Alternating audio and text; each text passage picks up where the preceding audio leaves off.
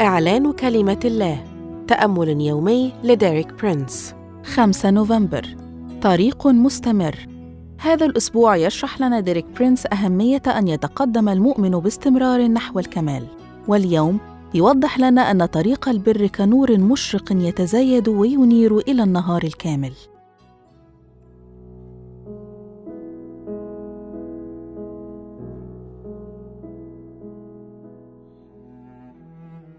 حتى الآن ذكرنا أربع دعوات في رسالة العبرانيين. والآن لننظر في الدعوة الخامسة والتي قد تكون إعلانا جديدا لنا.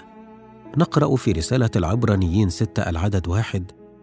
لذلك ونحن تاركون كلام بداءة المسيح لنتقدم إلى الكمال.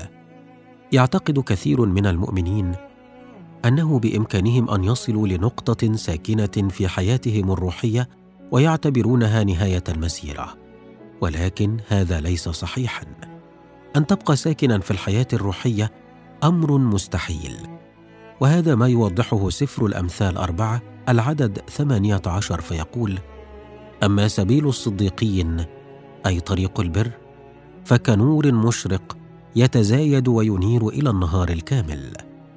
لا تشير عبارة سبيل الصديقين أو طريق البر المذكورة في هذه الآية إلى طريق يسير فيه مؤمن معين أو مجموعة من المؤمنين ولكنه يتحدث عن طريق كل شخص بار لاحظ أن البر طريق وهو ليس مصمما لكي تقف فيه ناهيك عن الجلوس.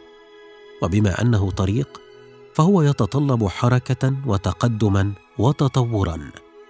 يمكن تشبيهه بضوء الفجر عندما بدأنا نتعرف على الرب في كمال مجده كمخلص ورب. كذلك يمكن تشبيهه بالشمس وهي تشرق بعد الظلمة أو مثل الفجر الذي يأتي لقلوبنا. ولكن الفجر ليس منتهى قصد الرب إنه فقط البداية. عندما نسير في طريق البر ينبغي أن يتزايد النور دائما. فمع كل خطوة نخطو فيها ومع كل يوم جديد يتزايد النور عما كان عليه حتى يصل إلى نهار كامل. تلك هي وجهتنا ذروة منتصف النهار. لا يسر الله أن نتوقف عند أي وقت أقل من السطوع الكامل لشمس الظهيرة. الفجر هو نقطة البداية والمسار هو طريق التقدم والنور يتزايد ويتزايد.